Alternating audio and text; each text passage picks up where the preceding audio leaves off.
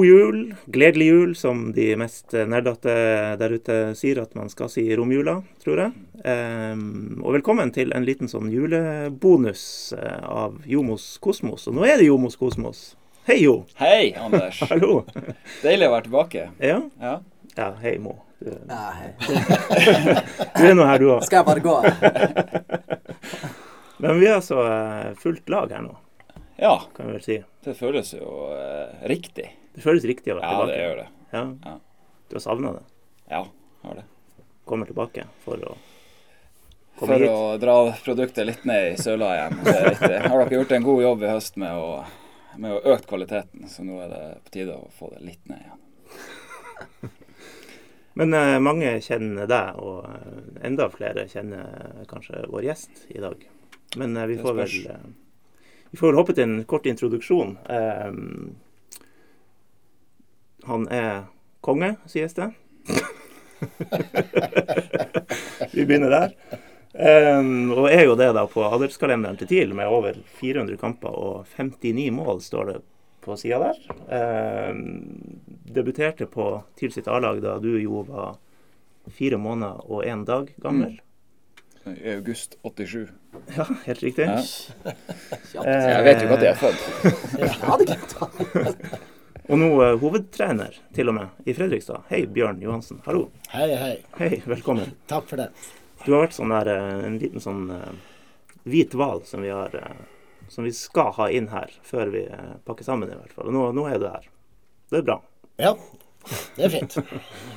Men ja, det var ikke meninga å, å få deg til å føle deg gammel da, med, med at Jo var Jo var fire måneder da du debuterte på A-laget. Men det er jo en stund siden, det, da. Ja, du har i hvert fall klart å få meg til å føle meg Jeg klarte det, ja. ja men det er bra. Det går helt fint. Men eh, for å gripe an det. Du er hovedtrener i Fredrikstad. Eh, det ble litt omstrukturering som eh, på FFK sin nettside i hvert fall var fremstilt som en, en eh, planlagt eh, Glad gladsak. Nå styrker vi satsinga. Kan du fortelle litt om eh, hva som har skjedd her? Ja, eh, når Per Mathias ringte meg for et år siden eh, og ville ha meg ned til, eh, til Fredrikstad, så var jo dette en, en diskusjon vi, vi hadde i forhold til inn i de, de neste årene. Hvordan dette bildet kunne være. At eh, Per Mathias skulle trekkes oppover i, i klubben, og, og jeg skulle ta over som, som hovedtrener. Og så var vel intensjonen å ha det litt lenger enn bare ett år. Så så er det sånn i fotball at det, ting skjer fort. Og um, følelsen til Per Mathias var at um, vi bør uh, utnytte den kompetansen vi har i, i klubben på en enda bedre måte enn en det vi fikk. Og dermed så ble det naturlig at uh, han tok et større ansvar med å jobbe med de, de store linjene, og at jeg allerede fra, fra neste sesong tar over som, som hovedtrener. Som jo er kjempehyggelig for, for mitt vedkommende. Eh, forhåpentlig så eh, så blir det en gladnyhet òg, hvis vi, eh, vi gjør det så bra som vi håper på. Ja. Så det, det er planlagt, det her. Det er ikke bare Ja da, vi har jo diskutert det i eh, sånn Ikke så ofte, men, eh, men det var jo ikke noe sånn overraskelse på, på meg at dette kom til å skje. Allerede denne sesongen. Det har vi diskutert utover høsten. at det er mange ting å gripe fatt i når det gjelder en klubb som, som Fredrikstad. Det, det er en årsak til at en klubb med den størrelsen og den kapasiteten er havna der de er. Eh, Da er det gjort en ikke alt eh, riktig over en lengre periode. Det må man få lov til å, til å si, som alle er klar over. Eh, så det er mange områder å gripe fatt i, og Per Mathias er jo dyktig til å se hele hjulet i forhold til hva som skal fungere når, for å, å bringe en klubb opp til det høyeste nivået igjen. og Dermed så ble struktureringa gjort allerede Ja. Enda mer eh, press på dine skuldre. Oppleves det sånn? Ja, det blir det jo definitivt. Det blir jo et helt annet trøkk å stå som hovedtrener enn, enn å være en assistent. Assistenter kan du jobbe mer i, i bakgrunnen, og, og eh, du slipper å kommunisere så, så mye med media. Nå blir det trøkket mye større. og I Fredrikstad er det trøkk stort sett hver eneste dag, som jo er herlig når man holder på i denne bransjen. Ja. Og det er jo eh, Altså når du nå er hovedtrener, eh, så vil man Man vil jo aldri i Fredrikstad ha en ny sesong der det blir en ny andreplass og, og kvalik og, og så ryker man der, for å si det sånn. Altså Det er vel én ting som er det ønskelige målet her, og det er å komme seg opp. Ja ja, det er et krystallklart mål. Så, eh, og hvis de følte at det var litt utydelig i fjor Vi prøvde så godt vi kunne inneværende sesong å, å røkke opp. Vi var ikke gode nok. Men, eh, men kravet blir ikke noe mindre, og det er én ting som, som, gjelder, og det er å, å komme seg opp fra, fra PostNord. Går det? Du som kjenner PostNord så, det, er, det er knalltøft. Og vi er jo i samme avdeling, faktisk. Ja. Eh, med alle de lagene i andredivisjon totalt sett med penger er i den avdelinga. Uh, så er jo det som vår kjære investor i Brattvåg sa, at uh, hvis du hiver nok bensin på bålet, så brenner det til slutt. Og det er jo mange klubber hos oss som har prøvd på det eh, ei stund nå. og det blir nok ikke noe, noe, mindre i det året som kommer. Så det er, tror jeg, mye tøffere å røkke opp fra andredivisjon enn å berge plassen i Obos-ligaen. Mm. Eh, vi har møtt noen par lag i, i, høst som ikke står tilbake for, eh, for noen lag nesten i Obos-ligaen. Så um, det er ekstremt små marginer og, og knalltøft å skulle vinne så mange kamper som du er nødt til. Fordi at du, du kan nesten ikke ha en dårlig dag. Da kan du tape mot absolutt alle lagene. Mm. Eh, selv mot uh, Nardo eller Byåsen eller Altså de er gode nok til å slå Fredrikstad eller andre topplag når de har en dårlig dag. Så, um, Brattvåg òg. Brattvåg eh, blir også neste år et topplag. ja, det er bra. Mm. Uh, ja. Bare kort før vi sporer over på andre ting. Uh, vi var innom PostNord-tabellen. Du er litt mer Du ser litt mer på Premier League-tabellen nå enn Post Nord-tabellen for 2018. Nei, jeg har sett på Premier League-tabellen i 26 år nå, men jeg har aldri vært så fornøyd som jeg er nå. så, ja, eh, det er vel bare å gratulere med ligagullet, er det ikke?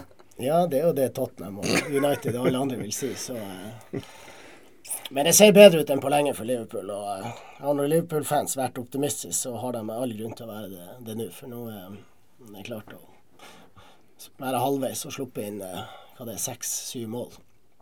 Og, og ikke tapt ennå. Det, det lukter det, det gull av, uten at det, man skal innkassere noe som helst i, i romjula. Men eh, det, vi må glede oss og nyte det øyeblikket her. Man vet aldri i fotball så akkurat nå er det helt suverent å, å være Liverpool-mann. Jeg er jo Newcastle-mann, men uh, vi er enige om at det ikke var straffe.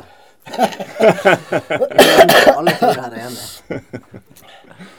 Ja, det, det, det, det er enkelt å si at han ramla lett, så det Takk. Så uh, de har jo Premier League innført sånn uh... Men vi kan jo føre på at han hadde en litt sånn motteknikk. Det var som å se, ah, som å se Mo når han komme inn i feltet. Litt ut av balanse, så tenkte jeg ok, nå benytter jeg anledninga. Og det er smart. Nei, jeg sier ikke at det ikke er smart. det, det her er òg smart. Det, ja. det Sukre pillen litt. Ja. Men du uh, er jo mye bedre å filme enn han. Skal jeg si takk, eller hva jeg skal si? ja ja, åpenbart. Det er jo Nei da, han datt veldig, veldig lett. Men på den annen side så var det jo helt idiotisk av Newcastle å røre han i det hele tatt. Ja. Det er det jeg tenker på. Men, kan, kan men det, jo, det, må jo være lov å røre folk. Han som vi Du. Gir han sjanse til å dette? Ja, men du Nei, faen heller, altså. Nei. Jeg legger meg skylda på han dømmete, faktisk. Når jeg tenker meg om. Og han vi snakker om, er jo Sala, da. Ja. Kan, kan, han ryke på en sånn her uh, tokampers karantene? Nei. Nei. Hadde det vært en spiss på et mindre lag, så kunne jeg vel kanskje hatt.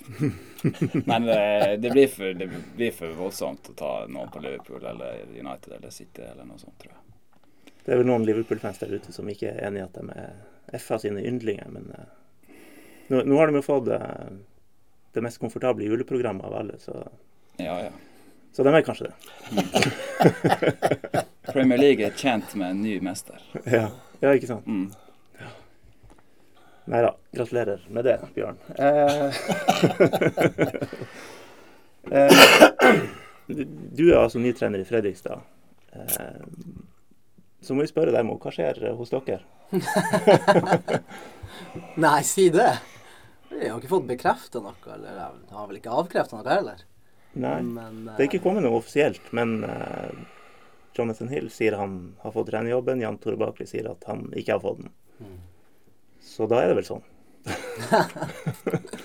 Her sitter du og sperrer opp øynene. Jeg trodde det var avgjort. ja, ja, altså det, det, er jo det, ja. visstnok. Men det har ikke kommet noen sånn offisiell melding fra klubben sin side enda. Mm. børsen er stengt. Børsen er stengt. Jula har, ja. har satt inn i dalen. Det er vel det meste det går i.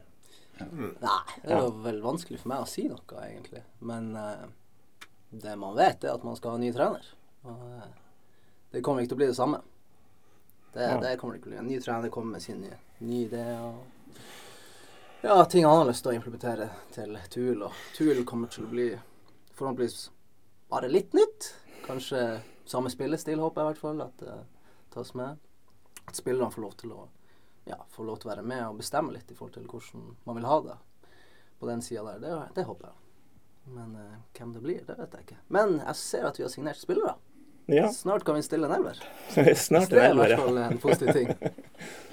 ja, Kinn Bendiksen inn der, den er jo ja, kanskje han, den mest spennende, på en måte. Han har sett ut som en million dollars på slutten av sesongen han trente med oss, så han eh, kommer til å bli helt fantastisk i år, tror jeg. jeg tror han, det legger på hans skuldre. Hei, Thomas. Hei, Thomas. Men eh, du er jo i klubben og sitter midt oppi det. Det er jo ikke dere. Eh, mm. Ut fra det som er kommunisert, i hvert fall fra dem som skal ha fått jobben og ikke skal ha fått jobben, hva dere tenker?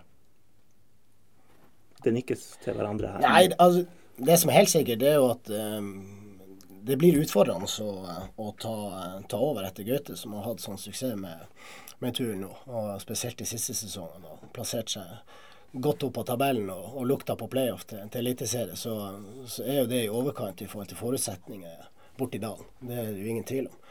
Eh, men, men, sånn er dynamikken i fotball. Nå kommer det inn eh, nye folk, nye tanker, og, eh, og, så er det jo spennende å se hvordan det som er implementert i forhold til spillestil og, og, treningskultur der borte, blir ivaretatt og, videreført. Det er det blir viktig å finne balanse på det. Nye trenere har alltid noen ideer som kan gå litt på tvers av, av andre treners filosofi. Eh, men eh, det er viktig å ivareta en klubbs identitet.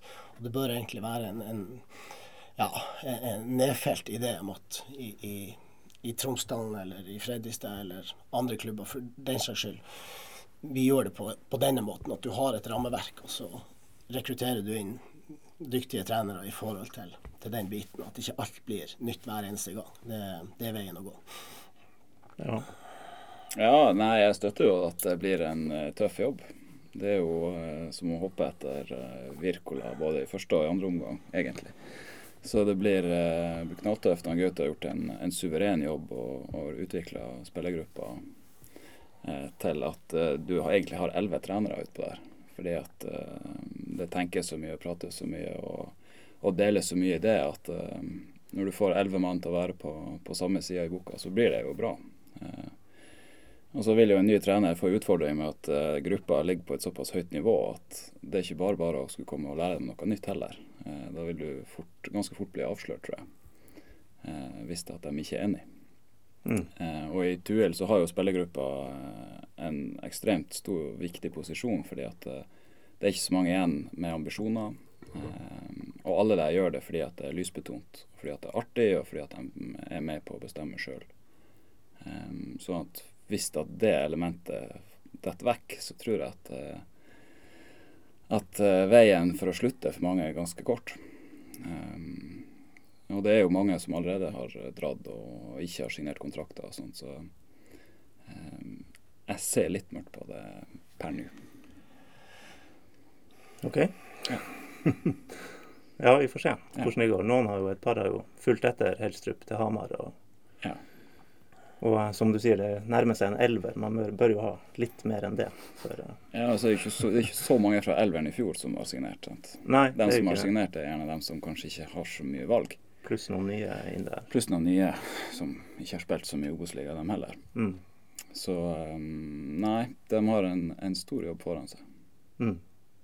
Ja, den begynner jo på en måte nå. For det er jo mange spillere har valgt å vente til dette med trener var ja, avklart. Så naturlig se, nok. Så får vi se om de er fornøyd med det valget. Ja. Mm. Vi får se, vi får se. Eh, sånn ellers eh, TIL, Bjørn. Ja. Nå er vi inne på to klubber du har snakka med tidligere om trenerroller. Tuil, jeg vet ikke om hvor mye du snakka med dem nå, men du snakka vel med dem i hvert fall før Gaute Helstrup ble hovedtrener. Ja. ja. Og TIL var inne der en liten periode, og så ble ikke det noe av. Nei, eh, det gjør ikke det. Eh, må tenke meg om jeg har snakka sånn seriøst med TIL, men eh, eh, tidlig, veldig tidlig stadie. Så. Unge herr Flovik har i hvert fall gått eh, on record ja, og sagt at han, han, ville ha deg inn. Ja, det kan du si. at det Der var det en, en diskusjon. Men det tror jeg var mer fra, fra Floviks side enn det var fra resten av klubben. Ja. Såpass ærlig må vi være. Ja. Ja. men, men, du følger jo med TIL, selvfølgelig. Eh, hva du tenker om der de står nå? Nå får de vel eh, kanskje Man vet jo aldri med, med Norge Rundt-turen til Rosenborg her eh, hvor de ender opp til slutt på trenersida, men de får vel, ser det ut til, beholde treneren sin. Og eh, store deler av spillerstallen, skulle man tro. Eh, men hadde en fæl, fæl høstsesong. Eh, hva du tenker om fortsettelsen? Altså, det blir spennende. Det er viktig å ha kontinuitet. og Hvis de klarer å, å, å beholde trenere og de beholder stammen i laget, så, så er det gunstig. Og så eh, trenger man påfyll der oppe òg for å henge med i svingene. Det, det er høyt nivå eh, i Eliteserien, og det, det, blir ikke noe, noe mindre press. Eh, Utfordringa til TIL er jo at økonomien eh, bestandig er pressende. Og eh, det ser ikke ut som de heller denne gangen klarer å, å holde kontroll på, på, på økonomien. Så, så, en kombinasjon med å stable på beina et, et godt nok lag som eh, kan komme seg ut av den, den nedrykksstriden som de har vært i nå de siste tre-fire årene. Var de for så vidt ikke så delaktige, men det var jo bare på håret at de ble involvert i, i år òg, i, mm. i nedrykksstriden. Så, så, det er det. Men klubben må ha en idé om hvor de har lyst til å, å, vandre, og være litt sånn standhaftig i forhold til det. Altså, dette med kontinuitet blir bare viktigere og viktigere. Du må ta noen sånne standpunkt på at sånn ønsker vi å drive på, så må vi drive rekruttering inn for det her. Og nå har de på en måte en, en Simo som er kommet opp med sine ideer og, og, og ønsker å utvikle fotballen i, i den retninga der. Og Så må du ha et sterkt styre og, og, en klubb som står bak dette, og så får du prøve å rekruttere smart og, klokt. For det må du hele tida gjøre med, med den økonomien som TIL har i forhold til de aller beste i, i Norge. Uh, men det er tøft, og det, det er utfordrende. Så jeg var på cupfinaleseminar i, i høst nå, og en av de, de, innleggene så var det jo dette med tema med, med kontinuitet og maktstrukturer i klubben. men da så jeg på en litt sånn lite hyggelig statistikk i forhold til, til TIL, altså fra 2003 frem til, til, i dag, så var TIL den klubben som har skifta hovedtrener flest ganger. Mm. Det er klart at det, det skaper ikke stabilitet. Det, når jeg fikk sett det på svart på hvitt Jeg var ikke klar over at, var, at de leda så suverent. Eh, men det er klart at det, det er ikke et godt tegn. Så, så, du må klare å få en stabilitet nå for å, for å klare å skape resultater over tid. Og så, så vil også TIL eh, løfte seg etter hvert. Men det er en jobb å gjøre på mange plan. Det å, å drive fotballklubb i dag, det det er komplekst. Det er kompetanse på flere områder. og Det å ha rette maktstrukturer i klubben er, er, viktig. Hvem er det som bestemmer? Har du nok kompetanse i et AS f.eks. Til, til å ta de viktigste beslutningene? Er apparatet bygd opp riktig i forhold til sport osv.? Så, videre, så, så Nei, det er, det er, utfordrende, men det er jo det vi som jobber med fotball syns det er spennende. Det er jo den kompleksiteten som er innenfor fotball, og så får du jo de målbare resultatene. Du må levere hver eneste helg, og det, det er jo det vi trigges av. Ja, så er vel kanskje ikke Simo Valakari en trener som blir her i ti år. Så stabiliteten den kommer først om et år eller to, når uh, Gaute Helstrup eller Bjørn Johansen kommer og tar over. ja, hvem vet. Hvem vet. Så det Eller Jon Imo Matland. Ja, det blir nok litt flere år enn to-tre, tror jeg. Ti, kanskje. Men dere alle sammen, hvis, hvis dere hadde sittet Altså Det henger jo en greie over dem som heter Gjermund Aasen. Mm. Lagets beste spiller som går inn i uh, siste året av kontrakten sin. Mm. Vil, hvordan ville dere ha angrepet den situasjonen der? Jeg ser på alle. Ordet er fritt. Det er jo vanskelig. Han er jo den desidert beste og viktigste spilleren de har. Uh, samtidig så vel han, har vel han gitt litt sånn uttrykk for at han kanskje kunne tenke seg å prøve noe annet. Uh, og da vil du holde han igjen hvis han er misfornøyd i ett år, og så sitter du igjen med ingenting. Uh, du vet ikke hva du får av han i år hvis at han er litt sånn Jeg tror ikke han er typen som, som, går og er misfornøyd heller. Nei, men det kan jo snike seg inn uh, ubevisst. At han er, Hvis han er 5% dårligere, så er han kanskje ikke av samme verdi. Så hvis at en kan få inn et, et OK bud på han, så, så tror jeg at jeg hadde solgt. Enighet i det? Ja, jeg syns han eh, har vært eksemplarisk på banen. Men jeg syns han har vært enda bedre utenfor banen. Mm. Syns ting han sier i media, da tenker jeg han er gutten her, han er hel ved. Og hvis det står på lønn, spreng den lønnsbudsjettet der, og bare gi hva han vil ha. Jeg tipper Jeg har Bjørn sittet og oppfordra til Nei, økonomiske druelinjer. Åsen. Nei, så eh, altså for min del så har han vært den beste spilleren i flere år nå. Jeg syns han har vært helt fantastisk for dem. Og det, jeg tipper han tiltrekker seg par ekstra tilskuere bare for at han er, han er, så god som han er, og hvor artig å se på han på banen. Men så tror jeg ikke han er en fyren som går etter penger heller. Jeg tror han må ha en plass der han trives. Trygghet. Så det tror jeg han får her. Men eh, den dagen han har lyst til å gå, så må man egentlig bare si takk. En av mange vanskelige spørsmål som klubber havner i. Og hvis jeg skal ha trenerhatten på meg, så har jeg støtta den teorien helt ut. Og så gjort mm. alt jeg kunne for å få beholde han. Han er den viktigste spilleren mm. der oppe. Desidert beste spilleren. og, og, eh, og, og, og hadde jeg vært Simos, så, så, hadde jeg gjort alt for å beholde han. Men så er det jo sånn at uh, der er økonomi, og, og økonomien der oppe er ikke bra for tida. Så, uh, og, og, her møter du på en måte litt utfordringer. Hva gjør vi nå hvis vi ikke klarer å forlenge kontrakten? og blir værende, så, så får du det der. Men i dag skal vi være så profesjonelle at det skal egentlig være uproblematisk. Det som er problematisk, det er jo at han kan spille et år, og så får til ingenting. Mm. Mens de kanskje nå kan få en fire-fem millioner for han. Det er jo det et, en klubb og et styre vil, vil sitte og tenke. Men, men, eh, som trener gjort alt jeg kunne for å beholde han. Eh, for det er viktig. Å finne en ny Gjermund Aasen, det er ikke lett i uh, i Fotball-Norge eller i Fotball-Skandinavia, hvis vi skal, skal, lete der, det, det, kommer i så fall til å koste atskillig mer enn det vil være å, å høyne lønn. Men nå har vi jo ingen forutsetninger til å vite om, om det er lønn det står i, eller om det er andre ting. Men eh, som klubb eh, så ville jeg gjort alt jeg kunne for å, å forlenge og beholde Gjermund Aasen. Nei, jeg tror ikke det er lønn det, det står på. Det, han slår meg iallfall ikke som, som den type. Over, Overhodet ikke. Så det går vel kanskje litt mer på at han er, begynner å bli 27 år. Mm. Og har lyst til å kanskje prøve noe mer enn å bli en kjempe, kjempe om å bli nummer 9-10 i Eliteserien. Eh, og det fortjener han jo. Um, så det er jo litt sånn signaleffekt òg for TIL sin del at ja, vi selv spillere når de får muligheten. Um, hvis TIL blir kjent for å være den klubben som ikke selger dem, men holder dem et år for lenge, så, så kan det hende at uh, andre spillere igjen ikke har lyst til å komme hit. Mm. Um, så det er jo det er så mange faktorer man er nødt til å tenke på i, i sånne situasjoner. Altså jeg, jeg, tror at hvis TIL kan få fem millioner, uh, så er det fem millioner som jeg kan bruke på å forsterke laget i andre posisjoner. For det trengs jo.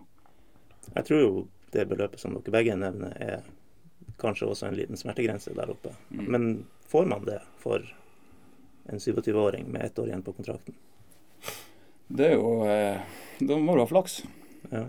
Eh, jeg ser ikke helt for meg at, at, så mange klubber i Europa blir å legge de pengene på bordet. Da henter de heller noen andre. Mm. Eh, så det måtte jo vært Brann eller Molde eller, eller, et eller annet sånt. Eller Rosenborg for en saks skyld, som legger de pengene på bordet. Så at han kunne ha det gått inn og forsterka de lagene, det er det jo ingen tvil om. Mm. Ja, det, det, er vanskelig å, å fastslå en, en, sum, men uh, det bør være på det nivået hvis det, en spiller av, av Åsens kaliber skal forlate eller bytte klubb. Mm. Så, uh, og, og, skal han til Rosenborg eller, eller, Molde eller noen av de, de største, så, ja, så bør de ikke selge han for, for under fem. Men mm. nok en gang så er, møter du på problematikk. Hvis Gjermund Aasen vil bort, mm. så, så så havner du litt sånn i skvis. Mm. Dette er dynamikken som er vanskelig i fotballklubber å, å styre. Eh, men eh, det er en del av jobben, det òg. Ja, altså, har altså har han jo på en måte allerede gjort TIL en tjeneste med å signere i kontrakt før sesongen i år. Mm. Eh, hvor han jo kunne gått til alle klubber i Norge hvis han ville det. Ja. Eh, så han har jo på en måte allerede hatt muligheten, men valgt TIL. Så det kan hende at TIL på en måte skylder han det nå. Mm. Hvis man skal tenke sånn. Man gjør jo ikke det i business, men eh, ja. Det går jo an av og til. Ja. Det er vel litt sånn i fotballen. Ja. Man har noen gentlemen's agreement av og til. ja. Ja, altså Det er lurt å finne en god balansegang, men det er, toppidrett det er, det er tøff business av og til. Altså, der du må ta noen av og til upopulære valg. Men man kan ikke føye alle.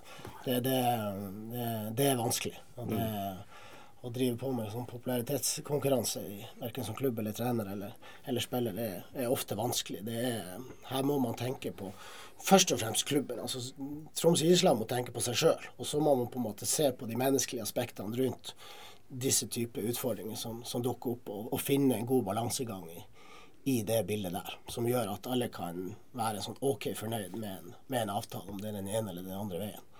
Uh, men de her utfordringene er det hvert eneste år, og, og, eh, og, av og til flere ganger i løpet av et år som du må, må ta stillingen til. Og så gjelder det å gjøre et så godt arbeid og, og, eh, og ha en struktur og en kultur på hvordan håndterer vi disse sakene når, når de dukker opp. Eh, nå kjenner ikke jeg noen til hva som rører seg hos, hos Åsen, og hvor frista han er til å gå til Molde eller Rosenborg. Men, eh, men, for han som spiller, så er det naturlig at han ja, kanskje har vært artig og prøvd å bli det blitt seriemester med, med Rosenborg, eller hvis Molde nå fortsetter å utvikle seg, så, så kan det være en fristende klubb. Så, så for spilleren sin del så, så, har man full forståelse for det. Men uh, med hjertet i, i TIL og, og Tromsø, så, så, håper jeg at han fortsetter å, å trives og, og, blir her oppe. For det, det er viktig for, uh, for TIL. Du verden himmel og jord! Det er 4-1 til Tromsø! Nok uh, TIL, litt mer Bjørn. Ja. um, bare for å ta det. Jeg mener du har svart på det før, at det kanskje ikke finnes noe godt svar på det. Men uh, Bummen, hvor kommer det fra? Nei, Det skulle vi kanskje ha hatt min bror, som er, er ute i gangen her, til, til å svare på. For at uh, jeg har ikke noe sånn eksakt svar på det. Jeg bruker å lete meg frem til noen løsninger. Hvor kan det ha dukka opp? Vi hadde for mange år siden de som, som kjenner fotballhistorie, han Peter Jekker. Mm. Som, eh, som, var en, en eh, energiklump eh, på, på 70- og 80-tallet her. Han, han, hadde som alderspresident trener Han kalte meg bare for Bamse. Og det var det første sånn klengenavnet jeg hadde innenfor fotball.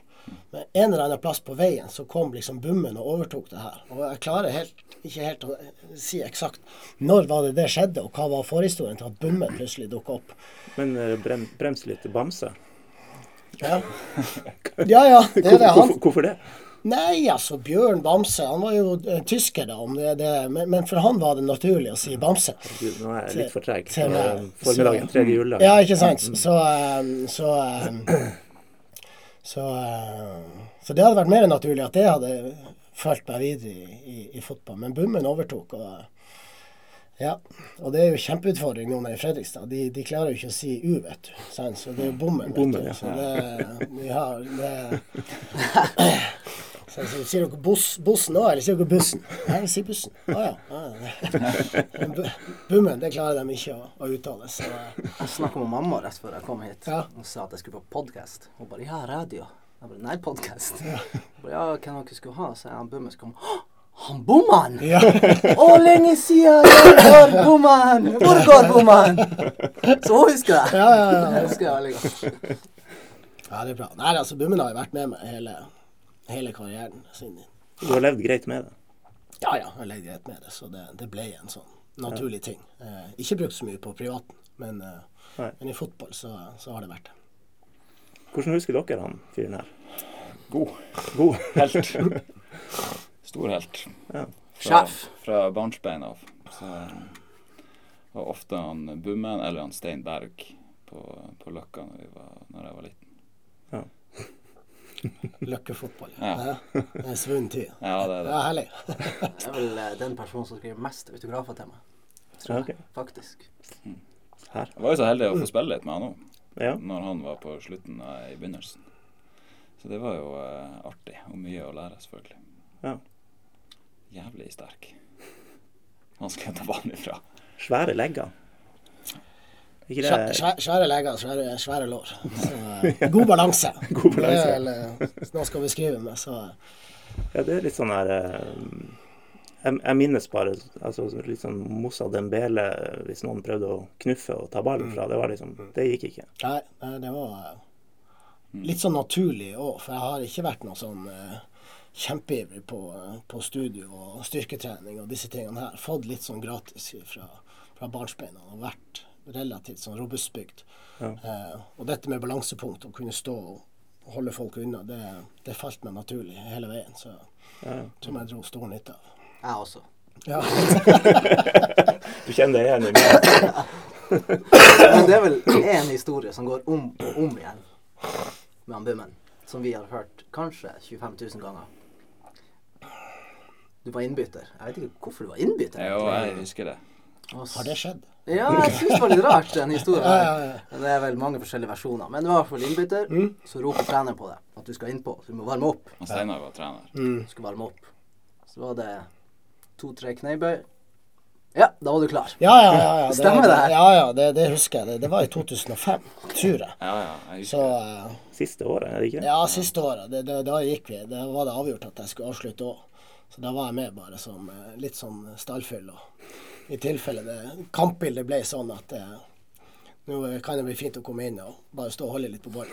Eller vinne noen hodedueller. Så så å, Det var bikkjekaldt. og Jeg husker jeg sto og frøs der. Jeg tenkte få varme opp nå. Det, det, var ikke det, det, det mest fristende der og da.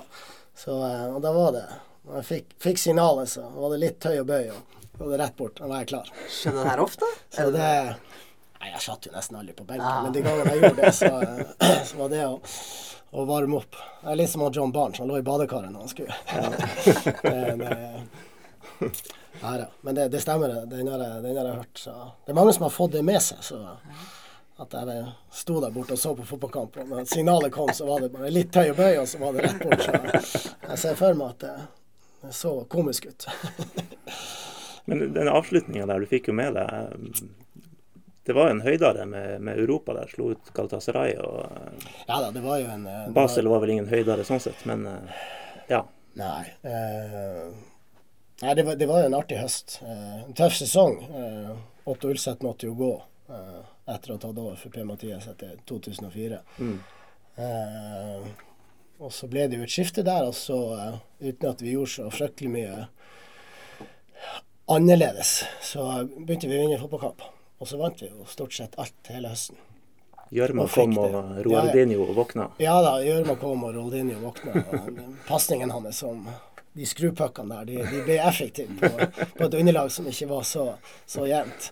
Så eh, nei, da, det, var jo en, det var jo en artig høst, og, og avslutninga borte mot Basel var jo ja, en grei avslutning, selv om vi tapte 4-3. Men vi leda jo 3-1 der borte. og mm. Jeg lurer på om ikke vi hadde gått videre til mellomspill med uavgjort i, i, Basel. Så var det noen dommer... Og i mitt hode så ble vi jo totalt frarøva den seieren der, ja. i forhold til noen skåringer som uh, begge veier. Ja. Så uh, men det var jo greit, jeg skulle legge opp der. Måtte ha trent igjen av desember og januar. Så, så, så, det var litt sånn ambivalent. Det, det er helt OK, det her. Men Galatasaray og Ali Sami igjen, hvordan, hvordan minnes du det? Nei, Det er jo en sånn, det er bare sånn opplevelse som setter seg, fordi at de er så ekstreme. Med at lidenskapen er så det, det, Den millionbyen der. Vi kjørte jo nesten en time fra hotellet til, til stadion, og alle sånne lyskryss som du stoppa, så så var folk helt spinnville når de skjønte at det var et fotballag. Ja. Så, så det, det, var Jeg tror ikke jeg har vært noen plasser med, med sånn lidenskap som bikker over nesten til å bli galskap. Ja, du, var... ja, du sitter jo liksom og er litt sånn, sånn småredd i forhold til hva er det som kommer til å skje nå. For at folkemasser som på en måte bare er, er helt gærne. Og de reiv jo av de her Jeg husker det var jo Stolsetene, ja. ja. Du kom opp under. ikke sant? Garderobene var under mm. banen, så du mm. kom jo opp bak målet der. Og da var det jo for så vidt en sånn, sånn uh, brugang da, som du gikk, men det var jo fortsatt en 20 meter til selve banen. Uh, og etter kampen så kom, måtte de jo forlenge det der med sånne politi uh, som sto med sånne skjold. fordi at mm. da drev de på de klappsetene, det rei dem av vet, og begynte å sende som frisbee og ned mot, mot spillere. Så det, så jeg husker jo på den når vi skårte. Det var det liksom ikke noe som var liksom inn i senter på banen og jubla. Liksom alle sånn, okay, Du ville ikke ut på siden. Nei, det var helt gale, Mathias. Det. Jeg tror vi satt igjen i en to, to og en halv time for at det, det skulle roe seg litt. Men selv da når vi kom ut, så var det sikkert flere tusen mennesker som sto på yttersida hadde sine meninger. Så nei, det var en ekstremopplevelse som, eh, som jo var, var artig. Altså det, det, er jo en opplevelse når alt går bra, at det er ingen som blir, eh, blir skada i sånne tilfeller. Men eh, ja. Litt annet enn isberget. Etter en tøff bortekamp på Alfheim.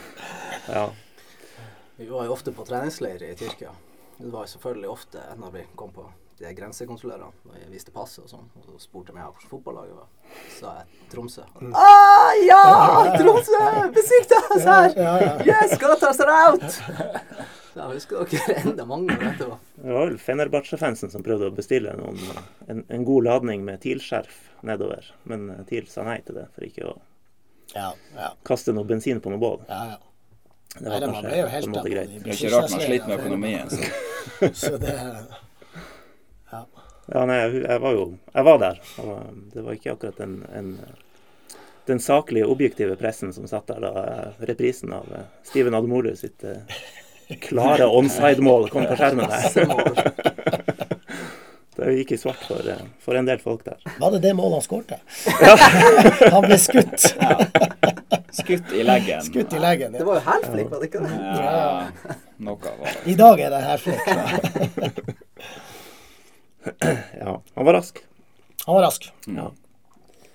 Eh, men ellers i, i, eh, de gamle dager, hva, hva stikker seg frem av eh, store, gode minner?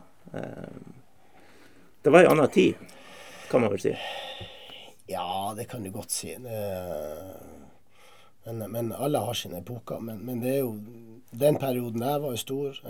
Chelsea-kampen er jo sånn som du husker. Cupfinalen mot Bodø-Glimt det er jo liksom sånne ting som på en måte topper ei sånn liste. Eh, jeg syns jo den, den, høsten der når vi, eh, når vi eh, slo ut Zagreb på hjemmebane før, før Chelsea, var og en ellevill fotballkamp som, mm. I sånn vær som du liksom har brent seg inn på minnet. Så, så den her husker jeg egentlig både jeg og mange andre som, som nesten sånn her mer elektrisk Alfheim-minne enn Chelsea-kampen. Ja, det var nesten det. Ja. det, det Chelsea-kampen ble jo spesiell pga. sneen og alle de tingene her, men vi tapte vel 3-1 borte, og så leder vi vel 3-1 etter ordinær tid hjemme. Vi gikk ja. ekstra omgang. Ja. Så det jeg lurer på om ikke Svein Morten òg skårte. Tror faktisk det. Ja, så jeg hadde jo ikke for vane å gjøre det. Han, så, Nei, så, så den, den, den, kampen husker jeg nesten enda bedre enn en Chelsea-kampen. Det, det, er naturlig å nevne Chelsea, men, men Zagreb hjemme der, mm. det, det, var, ja, det var elektrisk stemning, som du sier, oppe på Alfheim. Og, ja, og en opplevelse som, som har satt seg. Mm. Jeg så, eh, vet ikke om det var i Nordlys eller i den andre byavisa, men så var det et, et bilde av han Gamst og Lars Iver eh, etter Rosenborg 4-1-kampen. Ja. Da var, mye, da var, det mye, folk på Alfheim. 2004 er vi da. Ja, da var det mye folk på Alfheim. Ja, ja, Fy faen. Da var det helt sinnssyk stemning, eh, husker jeg. Ja. ja det var den våren de pløyde over alle på Eller dere pløyde mm. over alle mm. på hjemmebane. Mm. Litt annen stemning i dag, kan du si. Ja. Er ikke bare å få skrota vekk denne sittetribunen. Få opp en ståtribune. Det var jo sinnssykt mye artigere på kamp da. Ja, ja, det er vel mer sammensatt, men uh, jeg tipper de kunne ha gjort det. Ja. Visste at de fikk folk tilbake med å sette opp en ståtribune. Så Nei, det der er jo det er jo et vanskelig spørsmål. Det man sitter jo med en følelse at uh, den entusiasmen der er litt borte uh, nå. Og, og, hva som er årsaken, det, det tror jeg er sammensatt. Det, det, er ikke noe, det er ikke noe enkel forklaring på det. Det er det ikke.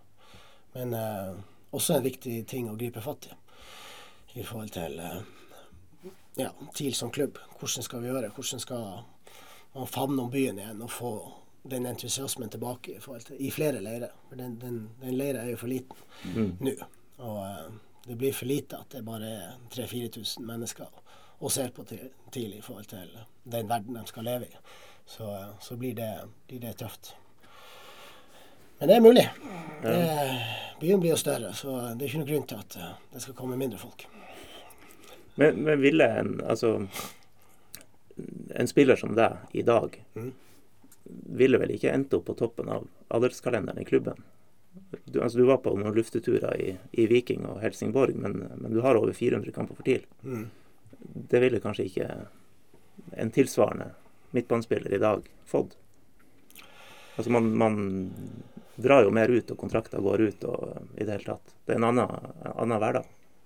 Ja, det er en annen hverdag. Det er jo det. Det er um, mer gjennomstrømning, ja. Uh, men det, det Ja, en og annen klubbspiller vil alltid være da, men, men gjennomtrekken kommer til å være der. Men, men, klubben består jo, så det er jo, og det er jo det man på en måte skal være glad i. Og så kan man med jevne mellomrom ha noen spillere man, man ser over en lengre periode som, som føler en kontinuitet, og som, som, bringer inn en identitet som vi kan identifisere oss med. Uh, men, men uh, først og fremst så er det klubben som på en måte må gjøre et, et støt for å, å favne bredere enn en det de klarer i dag. Og det, det er ikke gjort over natta. Det går jo litt sånn hand i hand det der med altså, Et bra lag trekker jo tilskuere. Men mye tilskuere gir jo mer penger, som igjen kan lage et bedre lag. Ja. Så det er jo litt sånn, du må nesten ha litt sånn flaks og få til et, et bra og billig lag, sånn at du kan få masse folk på kamp, og sånn at du kan begynne å bruke mer penger. Nå har de jo brukt mye penger allikevel der oppe, men um, Nei, det er vanskelig. Det er jo, men det er jo ikke bare TIL som sliter med litt tilskuere. Nei, nei kanskje, altså Rosenborg har mye folk på kamp, og, og Sarpsborg fyller stort sett. Men uh, bortsett fra det, så er jo det tynt overalt. Ja, i Bergen er de jo nede i 10 000 eller noe sånt, og det syns de jo er krisetall der. Ja, så, det går, går, vel litt på tribune... Jo, jo. Det har jo vært det òg. Ja. Men uansett, poenget står seg. Men eh, Stavanger og Sverige. Du var i Viking og skåra bl.a. et av de bedre målene i norsk toppfotball eh, noen gang. Det var lov å si det. Mm. Ja, Dribleraid fra midtbanen? Ja, ja definitivt. Definitivt. definitivt. ja, det var et kjempemål. Eh, jeg husker jeg ble nummer to på ei kåring det året der. Ja. Eh, og den som vant, det var Odd Johnsen i Strømsgods. Sånn vådeskudd? Ja, vådeskudd fra midtbanen. Ja. Som alle kan gjøre. Ja. Men jeg tror jeg dribla fra egen banemodell på Ullevål, borte ja. mot Vålerenga. Ja, ja. Så... Eh, men, eh, og Helsingborg, da. Synd det var så lite filming på den tiden. liksom bare er vi får se om vi finner det. på. Ja, det hadde vært kult. da. Det finnes jo sikkert en plass. Man skulle tro det. Rart hvis ikke. Rettigheter har vi sikkert ikke, men vi kan jo se. Nei, det er ikke så nøye på. Ja. Gå i NRK-arkivene. Ja. Men uh, i Helsingborg, da, der var du jo bl.a. med på både å slå Rosenborg og bli grusa av Rosenborg mm. i, Champions League. Mm. Uh, men hvordan var ja, for, bare for å spørre om det, Hvor bra var det Rosenborg-laget på den tida der? Det var så, sånn, sånn som man husker Rosenborg fra før i tida. Hvor det på en måte det der lokomotivet bare i 4-3 Du visste hva de gjorde, men det var umulig å stoppe dem. Ja. Så, eh, de, så de, var, de, var, bra. Det var, ja, det var en smertefull opplevelse når vi kom til Lerkendal. Men litt sånn svensk naivitet òg. Eh, jeg var jo klar over hvor god Rosenborg var i forhold til det, men jeg tror ikke treneren vår og det øvrige apparatet forsto helt krafta til, til Rosenborg eh, den gangen der. At vi tok lite forbehold. De fikk lov å, å boltre seg med indreløpere og kanter. Og, og, alt det de var, var gode på på den tida der. Og vi fikk jo bank så det holdt 6-1, tror jeg vi tapte. Eh, og litt sånn ydmyk eh, publikum òg der. Og de begynte jo å spille 'Åpne landskap' etter hvert på høyttaler, så, så det var ikke måte på. Eh, så, så, men vi, vi, slo dem i retur i, i Sverige. Mm. Med, med, å være litt bedre forberedt og, og eh, Ja. Så, så, det var jo for så vidt artig. Men, men, det året var jo De spesielle kampene var mot Bayern München og, Paris Saint-Germain. Og ikke minst eh, Inter, som vi slo ut i kvaliken til. Vi vant jo 1-0 hjemme i Sverige. Så reiste vi over til um, San Siro mm. og ble totalt rundspilt i 90 minutter. Og så fikk de straffe i det 90. minutt.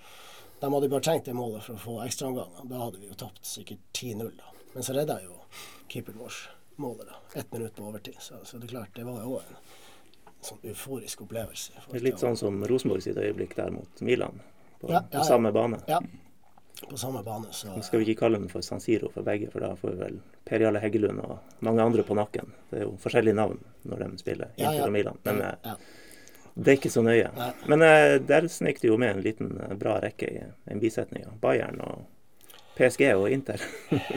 ja, det er klart. Det var tungvektere som, som er det fortsatt. Så, så det var Bayern München ble jo Champions League-mestere det, det, året der. Mm. Så. 0-0 var det vel borte i München, så det er et ok resultat det mot Champions League-mesterne. Så hvordan, ja, spillere, hvordan spillere møtte du i den kamprekka der? Ja, jeg husker, jeg husker jo han Sedov på Inder, i hvert fall. Det, det, er vel den spilleren jeg hadde jeg bra som tyngdepunkt, så, så, hadde han akkurat det samme, bare litt kjappere. Så, litt større lår? Altså, ja, ja, litt større lår. Ja, ja, det var, det, han var enorm. Så ja. Det er vel den spilleren du har følt deg mest hjelpeløs mot. Én mot én. ja. Hvordan var det året der ellers å være i eh, Sverige og Henke Larssons klubb, som det jo er? Mm. Som min mor har spilt slåball med. Det må jeg alltid snike med når jeg snakker om Henke Larsson. Ja, ja. ja. det, var, eh, det var kult. Eh, stor klubb. Eh, spesielt med at vi, vi, klarte å kvalifisere oss til Champions League. Det ble jo det, det ekstra. Etter vi var der, så gikk det vel ti-elleve år før Malmö klarte det igjen. Så der borte. Så det var jo stort. Det er det ingen tvil om. Men vi klarte ikke å vinne ligaen der de årene jeg var der. Da var det Halmstad AIK som ble seriemestere. Ja. Så vi ble nummer to begge de årene. Men, uh, men vi hadde et fenomenalt godt fotballag. Halmstad, de er vel et stykke unna i dag? De stykker unna, ja. ja. ja. Nå er jeg vel tilbake igjen. Uh, Helsingborg er jo tilbake igjen i, i ja. allsvenskene. Ja. Gikk, gikk, jo ned med nevnte Henke. Ja. Ja, ja. Så, ja. Men opp gjennom årene i TIL, eh, et spørsmål som jeg lurer litt på. Hvordan er det å ha hatt eh, din far stående på sidelinja med, med klare meldinger?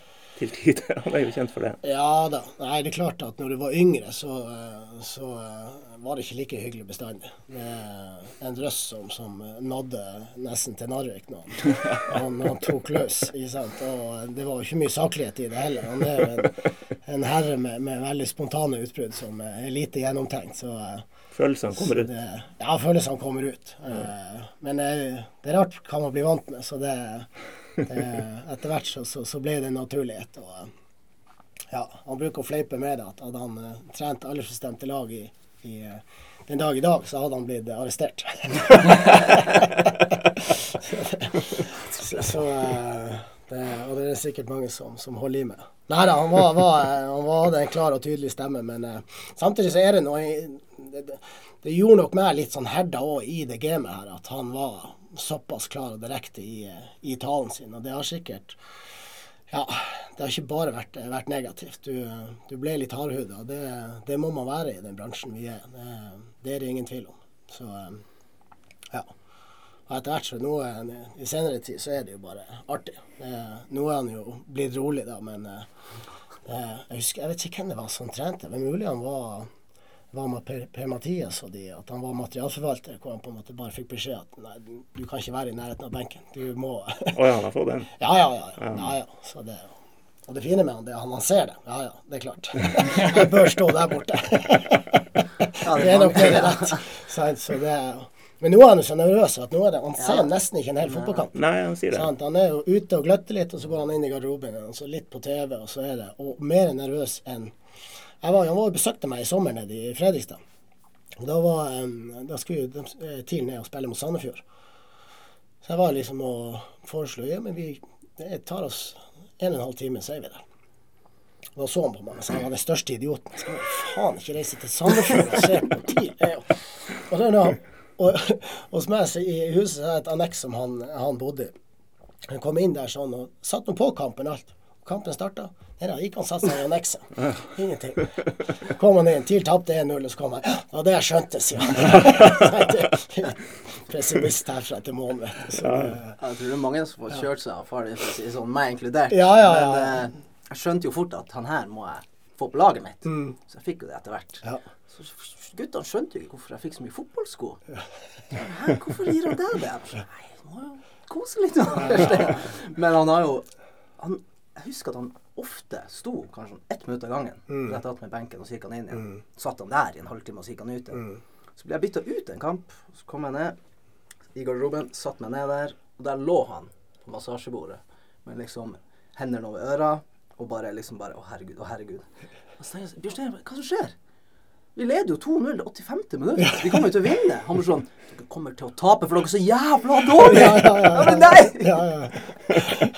ja det, det Ja, det skulle, man skulle nesten ha fulgt det på nært hold. Altså. Det, og det er bare sånn, sånn, Det er ikke noe sånn tilgjort. Han bare er det. Og det her er så nervøs. Han, Mannen er passert 80 år. Det er jo ja, det er nesten så han har det vondt i seg. Men, men eh, det er jo en sånn stor lidenskap at det, det Han er jo fortsatt og går der.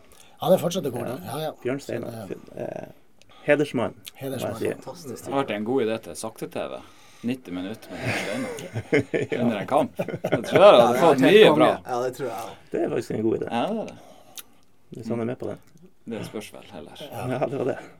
Hedersmann og, og Tottenham-supporter, så litt sånn Ja, ja, ja. ek- ekstra hedersmann. Oppe i mente. Uh, ja, og så et annet spørsmål som jeg og eh, Tom Erik Eilertsen og mange andre lurer på. Det er jo om det plaga deg like mye som det har plaga en del av oss andre at du endte opp uten A-landskamper. Ja, eh, ja, det var jo kjedelig at du ikke fikk en, en A-landskamp. Det, det, og det plaga meg mer før. Nå har jeg jo slått meg til ro med at det ble sånn. Den, den kommer ikke. Nei, den kommer ikke. Og den her eh, frasen om at eh, den beste spilleren som ikke fikk en eneste landskamp, den har også liksom Den har du hørt. Den har jeg hørt en del ganger. Så, eh, og det var jo litt sånn irriterende i, i starten, husker jeg. Det er en kjempekjedelig tittel å ha. Så det er nesten god nok til å spille en. eh? Det hjalp ikke at det var de beste av de som ikke fikk det. Den var irriterende. I dag syns jeg jo egentlig bare det er litt hyggelig. Så du var i hvert fall der. Ja, ja. Så du får ting på, på avstand, så, så ser du det i, i perspektiv. Men det var kjedelig. Det, det var jo det, at man ikke fikk, eh, fikk prøvd seg. Man eh, følte definitivt at man eh, hadde fortjent det i den perioden hvor man var blant de bedre i, i Norge da. Nå skal det jo sies at, at det, var, det var mye gode fotballspillere på, på den tida, og man konkurrerte med, med spillere som, som holdt et meget høyt nivå. Mm. Ja, det var vel grei konkurranse med Solbakken og Mykland og eh, hvem som ikke spilte der. Roar Strand. Ja, Lenarsen og Kjetil Ja, Rekdal. Og, ja. ja. eh, Litt andre klubbrekke enn det er i dag på Ja. uttak. Det er nok det. Ja. Men eh, du var jo fast på U21, og du var vel gjerne kaptein òg på U21? Ja, jeg fulgte jo det laget hele veien. Altså det opp til Vi var vel i, i VM i, for junior i Saudi-Arabia i 89, husker jeg. Og så kom, gikk det over da til, til U21. Det var et sånn OL-landslag òg i den perioden, Ja. husker jeg. Eh, men så eh, tromma Drillo sammen eh, generasjonen som, som fikk suksess på 90-tallet. Og da, da var du ikke med. Nei. Da var du akkurat utenfor. Men det var et OK U21-landslag, det der. Det var, Ja, ja, det var det. Vi gjorde det kjempebra nede i det VM òg, husker jeg. Jeg lurer på om vi kom til kvartfinalen. og Slo lag som Argentina og, og Spania. Og, ja. Så eh, det var en god generasjon. Ja. Det var det. Spilte på Alfheim mot Sverige, husker jeg. Ja. Roar Strand skåra. ja, nå husker du mer enn det. Ja. nå husker det var landskamp. Du har spilt landskamp på Alfheim i hvert fall. Om, Ja. vi- om ikke A-landskamp. Om ikke A-landskamp, ja. Ja. Skal vi ta noen spørsmål? Kjør på. Tida går fort her. Jeg skrek, jeg, jeg alle, De andre de sang, og jeg gråt. Fått et eh, spørsmål fra en av våre forrige gjester, Espen Rene Svendsen. Eh, han har jo sin eh, agenda, da, så han lurer på hva du, Bjørn, sett utenifra tenker om eh, Tuil. Ja, vi var Neste, neste års Tuil er vel det han egentlig Ja, vi, vi har jo vært litt innom det. Vi har vært litt eh, innom det, så uh, Nei, vi, vi har det. Det uh, Nei, Tuil har Hvis jeg skal snakke litt om eh, så- har Tuil imponert meg de to siste årene. Det er, en- altså En ting er på en måte plasseringa, men altså den prestasjonen de har hatt, eh, har vært på et høyt nivå. Altså Tuil på sitt beste har, hatt høy klasse. Og så har de vært litt for ustabilt til å blande seg helt inn i toppen, men, men på sitt beste så eh, så sto ikke de tilbake for, for, for noen lag i, i Obos-ligaen i fjor, um, når, jeg- titta på dem. Så det var imponerende. Det, men gutter som har spilt lenge sammen, kjenner hverandre, eh, har eh, en forståelse for hvordan det her skal se ut. og Da er det rart eh, for en kraft som, som ligger i det. Så det har vært, det har vært viktig. Og den krafta der tror jeg blir helt avgjørende for at de skal klare å opprettholde det nivået de, de har her. Nå forsvinner treneren, og han tar med seg en par spillere. Ny trener kommer inn, og noen teller på knappene. Så det er en del spørsmålstegn i, eh, i Tromsdalen i forhold til hvilket nivå de, de, kommer til å legge seg på. Men eh, jeg tror de, målsetting må jo være at det å holde seg i Obos-ligaen. Og, og, eh, det kan bli tøft nok, sånn som jeg ser det PT. Det var vel litt i den gata du var òg, Jo? Ja. Og så håper jeg jo at, eh, at det stopper der. Heisen går jo fort. Det er jo ikke bare bare å, å røkke ned og, og, komme ned et hakk, og så er jo det knalltøft der òg, liksom. Så ja, vi har jo diskutert det nå. For det, det er klart at andrevisjon, altså, som langt bak i tida var åtte avdelinger, nå krømper ned til to avdelinger. Mm. Så det er klart at nivået på de fire-fem beste i Post Nord, det, det er meget høyt. Så, så, eh, så, der det tidligere var naturlig at når, når Tuil røkka ned, så, så ja, var de så innarbeida at det var bare de røkka opp på første forsøk. Mm. Den reisen kommer til å bli atskillig tøffere hvis uh, man er så uheldig å så jo. Så sent som sist at det tok to år før man fikk det til. Ja. Ja, og nå er nivået spissa enda, enda, litt mer. For da var det fire avdelinger. Ja. Nå er det to. Det, var det kanskje. Ja, det stemmer. Ja, ja. Nei, det er jo mange som er vekke. Hvis du ser på en førsteelver fra i fjor, så er jo det ikke så mange som har kontrakt i år. Eller til mm. neste år. Så det er jo eh, altså det er jo mange av dem som blir å, å dra sin vei. Nå er jo to allerede bekrefta det, og så er jo det andre som er naturlig at vil prøve noe annet. Så um, det, blir, det blir en tøff jobb der borte. Så er det sikkert ikke det svaret han hadde håpa på, men det, vi prøver å være ærlige. Eliteserien 2020, det var, det var vel det han ville høre? Det var det han ville høre, ja. ja. 2019 var sjansen, tror jeg. Er det et bra spørsmål fra Torebjørn Valum. Eh, dro du til Helsingborg midt i sesongen fordi det ikke var plass til flere melkaskjorter i skapet ditt? Dro jeg midt i sesongen? Nei, han skriver det. Ja. Nei, det jeg, har bare, jeg har bare tatt det for god fisk. Ja, ja. Det, du må ikke gjøre det. Nei, nei, nettopp. Så, uh, nei, det var etter, etter sesongen. Men uh, melkeskjorte, det var kanskje sånn for banens beste. Ja, ja. ja, ja stemmer det. Ja, det var, jeg tror ikke det var medvirkende årsak. Det, det, var det ikke. Så uh, det var eventyrlysten som, som, som, var der. Og når muligheten bøy seg, så Har du fortsatt noen melkeskjorte i skapet? Nei, kan ikke tenke meg. Eh, jeg har flytta mye etter den, den gangen, så Eksisterer melka ennå? Nei, jeg vet ikke. Nei, det, jeg, vet ikke tror, jeg, tror jeg faktisk ikke. Nei, det, det er noe med passform og søm og snitt fra tidlig 90-tall som ikke ja. duger i dag nei. også, kanskje. Det er vel ingen moteeksperter i, i studio her akkurat nå, så. nei, det skal vi ikke si. Men var det sånn at uh, dere, du bodde i Danmark? Ja, bodde i Danmark. Det er et kort vei mellom Helsingborg og Helsingør. 20 minutter med båt.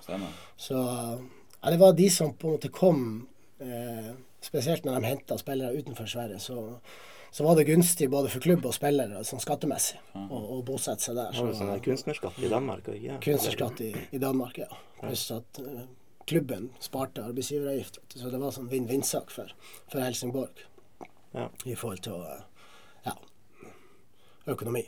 Ja. Uh, og når det ikke er mer enn 20 minutter, så benytter man seg av, av muligheten der. Og Danmark er jo et herlig land. ja, ja utdyp. Nei, men det var, det var veldig sånn stor så Selv om det er 20 minutter med båt, så er det utrolig altså sånn folkeslagene hvor forskjellig det var. Hvor mye roligere avslappa danskene var. Sånn helt annen kultur. Mm. Så tok du bare båten 20 minutter, og så hadde du litt, eh, litt strammere A4-liv i, i, Sverige, som, som svenskene var. Ja, det, det, var, det slo meg når jeg var der nede, hvor, hvor forskjellig de var bare med en 20 minutts båttur, så, så, var det Ja, for det her var før eh, broen? Ja, men broen er lenger ned, vet du. Den, ja, det er, det, den er Malmö. Malmö. Ja. Så, så ferga går enda mellom Helsingborg ja, og, og Helsingør. Ja.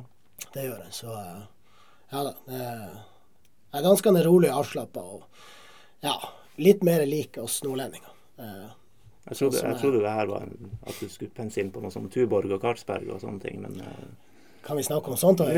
ja, her snakker vi om det meste. Rødpølser og Tuborg på båten over til Ja, ja. Så det, før treninga. Den er god. ja, ja. ja før treninga. Jeg var jo på um, bortekampen dere hadde, du var vel enda der da, mot uh, eh, FCK i Royal League. Ja. Og ja. Da var du òg der, ja. ja da. Gamle Royal League. Mm. Der hadde de jo Tuborg på presserommet i pausen. Eller det var sikkert Karlsberg, da, siden mm. det var FCK. Jeg tror de har det enda i Danmark. For jeg husker når vi spilte en del treningskamper med Helsingborg i, i Danmark, så var det bestandig en kasse Tuborg i, i dusjen som sto på kjøling. Så det tror jeg er en sånn tradisjon der nede. Som sikkert ikke i FCK sin garderobe, men uh, i, i breddefotballen i, i, Danmark så, så, eksisterer nok sikkert den kulturen ennå. Det er nå egentlig det er noe bare i Norge du ikke får øl. Ja, det er kanskje sånn. Ja, det tror jeg nesten. Ja. Ja, det er eneste plass jeg har vært på, på presserom og ja, sånn, sett det i pausen. Jeg var i, i dopingkontroll i, etter en kamp i Europacup-kvalik mot Aset Alkmaar. Og da fikk vi eh, pils. Ja.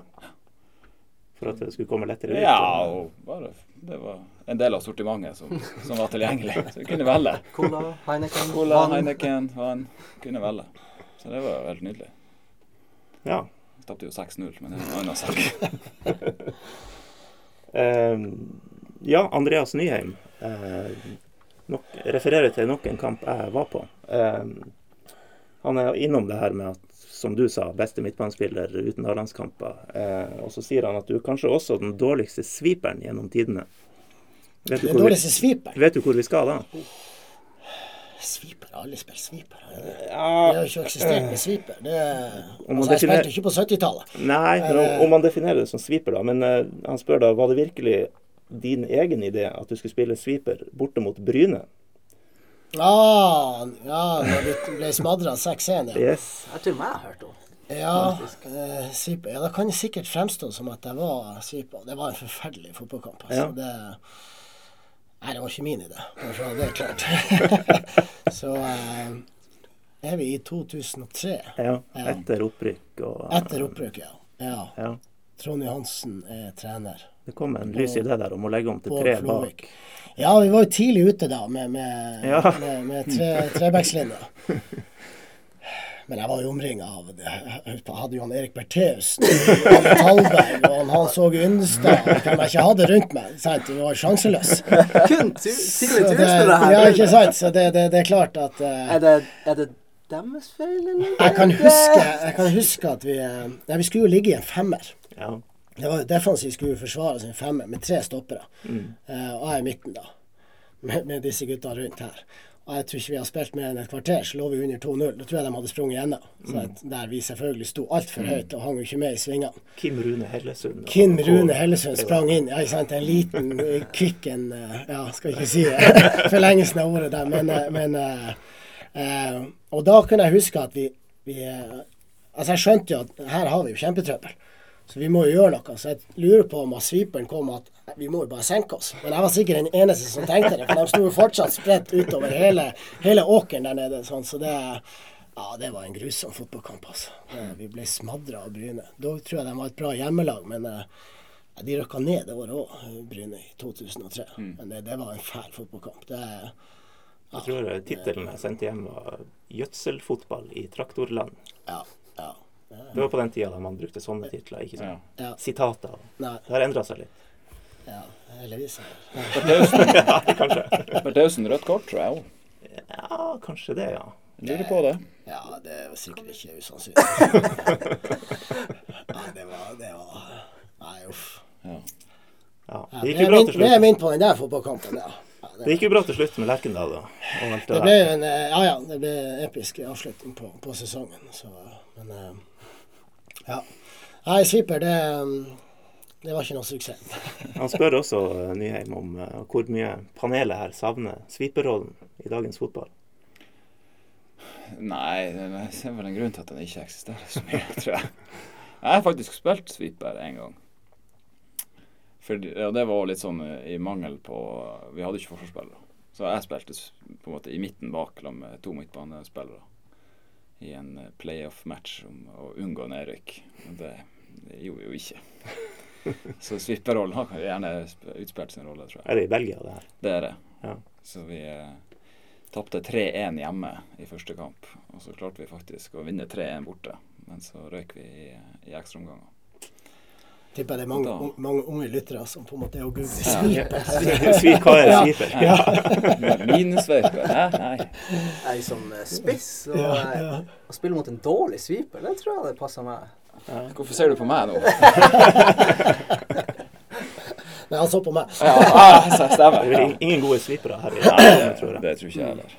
Det er ikke sånn at du bare ble sviper fordi man må bevege seg litt. Springe fort. Mindre, for å- tenker du? Ja. Ja, nei, det, det tror jeg nok ikke. Det var vel mer i, i mangel på, på andre alternativ. Nei, i dagens verden en, en spiller som ligger fem meter bak resten av forsvarsrekka, det er vel kanskje ikke så lurt. Nei, det tror jeg ikke. Nei, som sagt, det er en grunn til at den er borte. Ja, vi, vi sier det sånn. Um, vi skal pløye gjennom litt fra sentralkomiteen på Hatteng skole, som er fast eh, bidragsyter. Bjørn, spørsmålet spørsmål 1. Hva skjedde i straffefeltet mot Odd og Ocean i 2005 på Alfheim? Eh, burde det vært straffe? Komiteen mener det. Odd hjemme. Olivier Ocean. Olivier Ocean. Ja, det, ja, det var jo når han tok meg på eh, mine edle deler. Yes. Ja. Han, han bare tok det, altså. Strøyk forsiktig. Jeg tror ikke jeg vil gå inn i det der. Refleksen min var i hvert fall et, eh, et hardt slag for Ja. å få, få han unna. Det var vel han eh, Øverbø, var det han som var dommer? Ja, ikke helt sikkert. Men det var vel det eneste røde kortet jeg fikk i min karriere. Er det feltet i Odd eller feltet til deres? Det er 16-meteren? Nei, det her var i, eh, her var i Ja, det er jo nesten Det var et godt spørsmål. Jeg tror faktisk det er vi som er i angrep. Ja, ok. Eh, Men det husker jeg ikke. Jeg tror ikke det ble straffe. Det ble. Nei, så da er det mest sannsynlig vi som hadde corner. Og så ble det Ja, en fiffig måte å markere på. Så jeg fikk i hvert fall satt meg ut. på sidelinja. Bokstavelig talt. Ja. Du tenkte min, min kropp, mine grenser. Ja da. Det, ja. Me too. ja, Ja, ja. Ehm, spørsmål to. Beste trener og medspiller? Begrunn, står det. ja. Det er klart at eh, Tommy Svensson har hatt stor påvirkning på, på, på min retning i fotball. Og, og det jeg lærte underveis med, med Tommy Svensson, det, det var revolusjonerende på så mange, mange områder. Så det, ja, det blir en, en soleklar vinner i, i det, det selskapet der. Han var forut sin tid i forhold til måten å spille fotball på. Eh, ideene han hadde den gangen, snakker vi i slutten av 80-tallet og, og, og i 1990 vi hadde den beste, beste sesongen, så, så spilte vi en type fotball som nesten ingen hadde sett i, i Norge i forhold til bevegelse og, og fart og motsatte bevegelser og disse tingene her som, eh, som den gangen ikke var så, så uprøvd. Så, eh, så Tommy Svensson har vært den, den, den dyktigste jeg har, har hatt som, som trener. Gleder Så- TIL til andreplass, nesten seriemesterskapet og Ja. gikk videre til å lede Sverige til bronse i VM. Det er jo ikke Ja, så gærent, det, da. Nei da, det, det, han var helt fenomenal som, som trener og som person og, og fagmann. Så det var en god kombo av, av alle de tingene der. Så det er viktig betydning for, for utviklinga av, av fotballen i, i Tromsø. Det han, han la igjen de tre-fire årene han var, var her oppe. Så altså, det var, var, en, var en hyggelig tid. Når det gjelder spiller, så er det én spiller som skiller seg ut. Det er en Alvaro Santos, en brasilianer som spilte på topp med meg i, eh, i Helsingborg. Han hadde på en måte det, det meste en fotballspiller, altså med kvikkhet og avslutninger. og og rå styrke. altså sånn. Han var på mitt nivå i forhold til balanse og, lårmuskulatur. Så var en, eh, ja, en fenomenal fotballspiller som eh, nok er den, den beste jeg har spilt sammen med. Han gikk vel til Middlesbrough? Ja, han hadde jo en lang reise der, så jeg har ikke fulgt helt med han på FCK iallfall. Ja, han var i FCK etter Helsingborg. Hamra inn mål. Ja, Ja. Han var rekordsignering av Middlesbrough en stund. Ja. det var det, ja. ja. Så, Eller blander du med ja du, blander, du blander med han Afonso Alves. ja, Der kom du. Nettopp. det er bra vi har noen som er ja. Som var i Nederland. og han var Han var i Danmark. Spilte i han FCK. var først i- Jo, men av han der andre, han Afonso Alves, han var i Nederland i hvert fall og bøtta inn mål. Ja. Av de der som bøtter inn i Nederland og ikke får det til i England. Så det er noen som får det til. Ja. Van Nistelrooy og Suárez Van Persie. Van Persie. Ja. Um, Dirk Coit. Oi sann. Jeg skåret mye i Nederland. Spørsmål tre, siste fra komiteen, er hvor nært var du å bli Southampton-spiller? Nei, det var ganske nært. Det, det var det. Eh, Men jeg var Det var vel en for lang reise sånn rent kontraktsmessig til at det skulle være gunstig. Jeg var for langt ute i karrieren til å, til å gå på sånn trinnvis eh, kontrakt som skulle gjøre at du, du tjente penger til, til, slutt. Så det var vel det som stoppa overgangen der. De var jo interessert i å, å hente meg over. Men eh, Hvilket år snakker vi om her nå? Var vel i eh, Var det i 99, det året jeg dro til Helsingborg, eller var det året før? 98-99.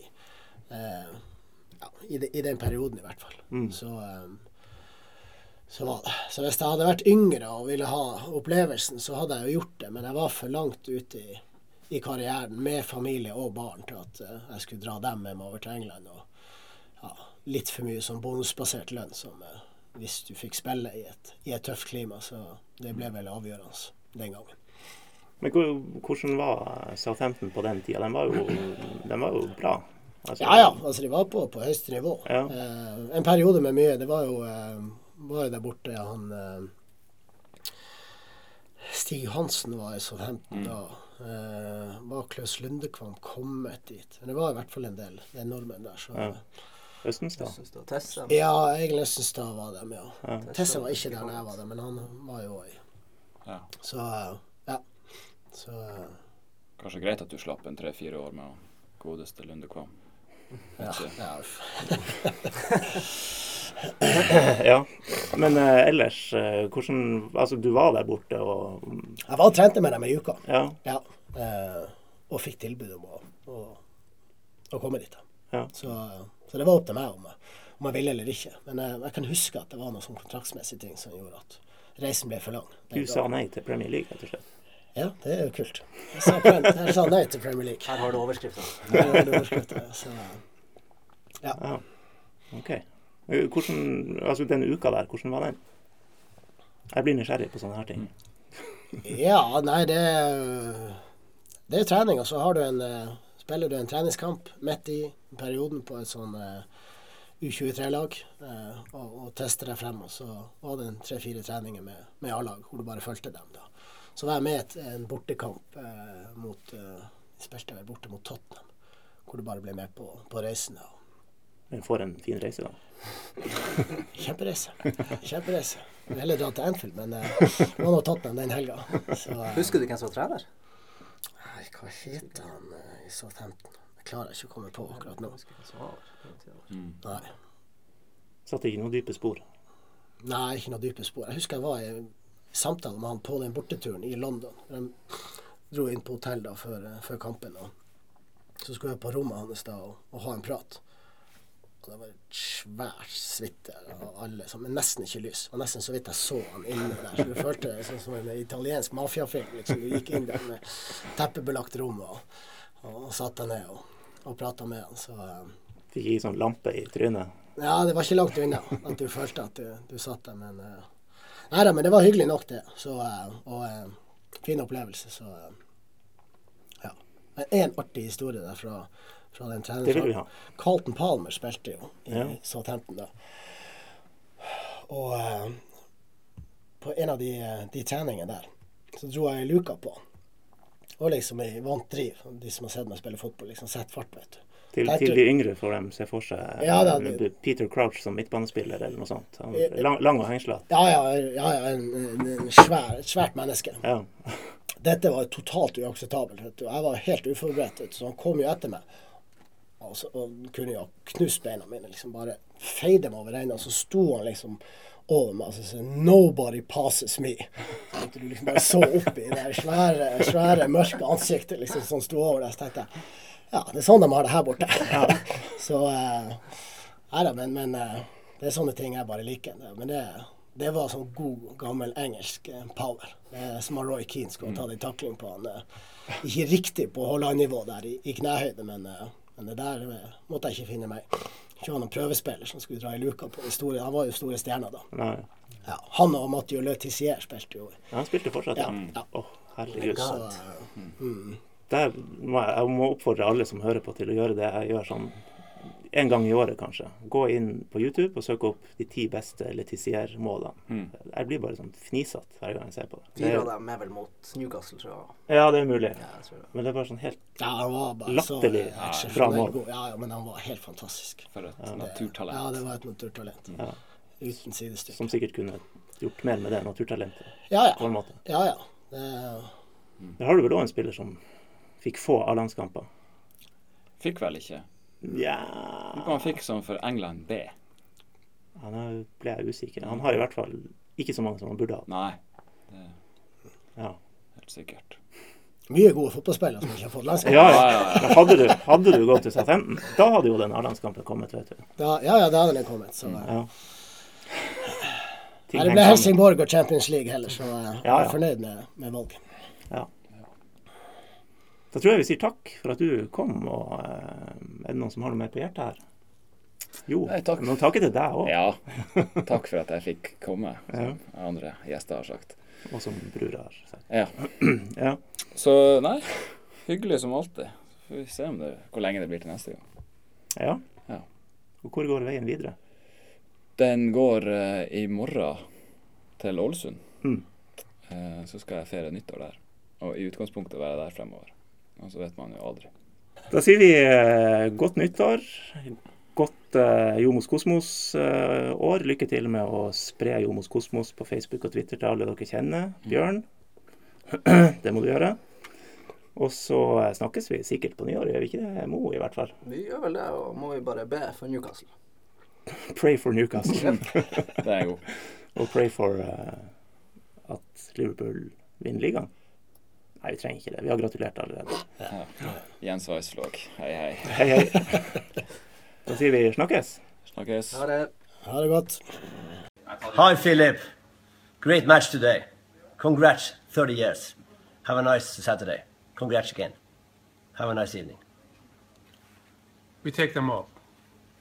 Just take them all. Have a nice evening.